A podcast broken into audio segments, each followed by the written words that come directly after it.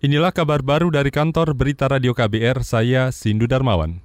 Saudara Presiden Joko Widodo ingin agar ibu kota negara baru diproyeksikan sebagai titik pertumbuhan baru. Itu agar target Indonesia menjadi tiga besar negara dengan ekonomi terkuat di dunia bisa tercapai. Jokowi menekankan pemindahan ibu kota negara bukan hanya memindahkan tempat ibu kota, tapi juga perpindahan budaya kerja, perubahan pelayanan publik, serta fasilitas kota yang bebas emisi. Yang saya sampaikan kepada mereka bahwa kita ingin ibu kota ini adalah compact city. Yang kedua, juga tadi terinstall sebuah sistem yang baik, artinya juga smart city. Yang ketiga, green ya, artinya zero emission. Sehingga nanti kayak fasilitas infrastruktur. Yang... Presiden Jokowi menyatakan salah satu tantangannya adalah pertumbuhan ekonomi yang tidak merata dan hanya terpusat di Jakarta dan Pulau Jawa.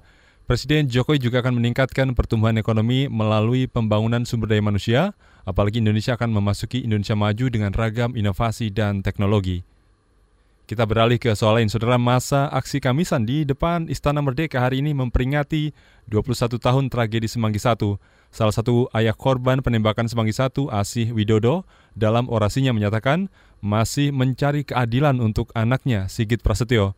Ia mendesak Panglima ABRI saat itu, Wiranto, bertanggung jawab atas hilangnya nyawa Sigit. Habibie berbicara, saya perintahkan Mehdan ambil tindakan tegas.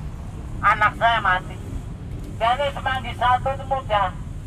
Jadi presiden kalau berani, tangkap Wiranto, tangkap Abi, kurung sudah. Ada perintah anak saya mati. Ayah korban penembakan Semanggi satu Asih Widodo menegaskan masih memperjuangkan keadilan. Ia, ia ingin ada pengadilan ad hoc untuk mengungkap tragedi kemanusiaan Semanggi satu, termasuk mendesak Jaksa Agung yang baru ST Burhanuddin untuk berani mengungkap kasus pelanggaran HAM berat masa lalu. Saudara pada aksi Kamisan ke-610 itu jaringan Solidaritas Korban untuk Keadilan JSKK mendesak Presiden Jokowi menginstruksikan Menko Polhukam Mahfud MD mengkoordinasikan dengan lembaga terkait untuk membentuk pengadilan HAM, HAM ad hoc untuk tragedi Trisakti Semanggi 1 dan Semanggi 2. Kementerian Perhubungan memastikan Sriwijaya Air tetap memenuhi standar pelayanan penerbangan pasca pisah dengan grup Garuda Indonesia. Menteri Perhubungan Budi Karya Sumadi menyebut ada kompetisi yang jelas dari pisahnya Sriwijaya Air dari grup Garuda Indonesia. Nomor satu itu mengenai SDM.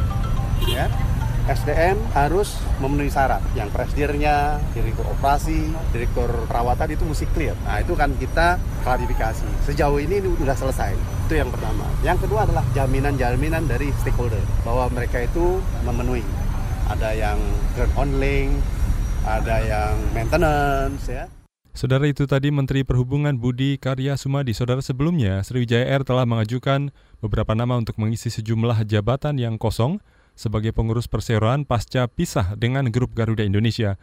Pengisian nama itu menjadi salah satu upaya Sriwijaya Air memenuhi standar kelaik udaraan dan pengoperasian pesawat udara. Sriwijaya juga memutuskan mengembalikan seluruh karyawan perbantuan dari grup Garuda Indonesia seiring berakhirnya masa transisi kerjasama per 31 Oktober 2019. DPRD Jawa Timur mendesak pemerintah provinsi itu untuk segera membentuk peraturan gubernur terkait toleransi dan keberagaman masyarakat. Hal itu dilakukan untuk melakukan kebijakan deradikalisasi di provinsi itu. Menurut Ketua Komisi Bidang Pemerintahan DPRD Jawa Timur, Istu Hari Subagio, Pergub itu penting untuk menangkal paham radikal yang dinilai makin mengkhawatirkan. Nasional bahwa pemerintah daerah yang punya perda toleransi yang digagas oleh Dewan yang sudah dijadikan melalui Perda nomor 8 2018 sampai sekarang belum ada tindak lanjutnya peraturan gubernurnya. Kami mohon ini segera ditindaklanjuti. Ketua Komisi Bidang Pemerintahan DPRD Jawa Timur Istu Hari Subagio menyebut Pergub toleransi harus segera dibentuk karena DPRD Jatim sudah mengesahkan perda toleransi dan keberagaman dalam kehidupan masyarakat pada 2018 lalu.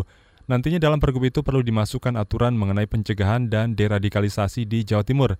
Sehingga jika ada aturan perjelas yang memperjelas secara teknis, maka perda yang sudah disahkan bisa segera dijalankan untuk mencegah paham radikalisme semakin meluas.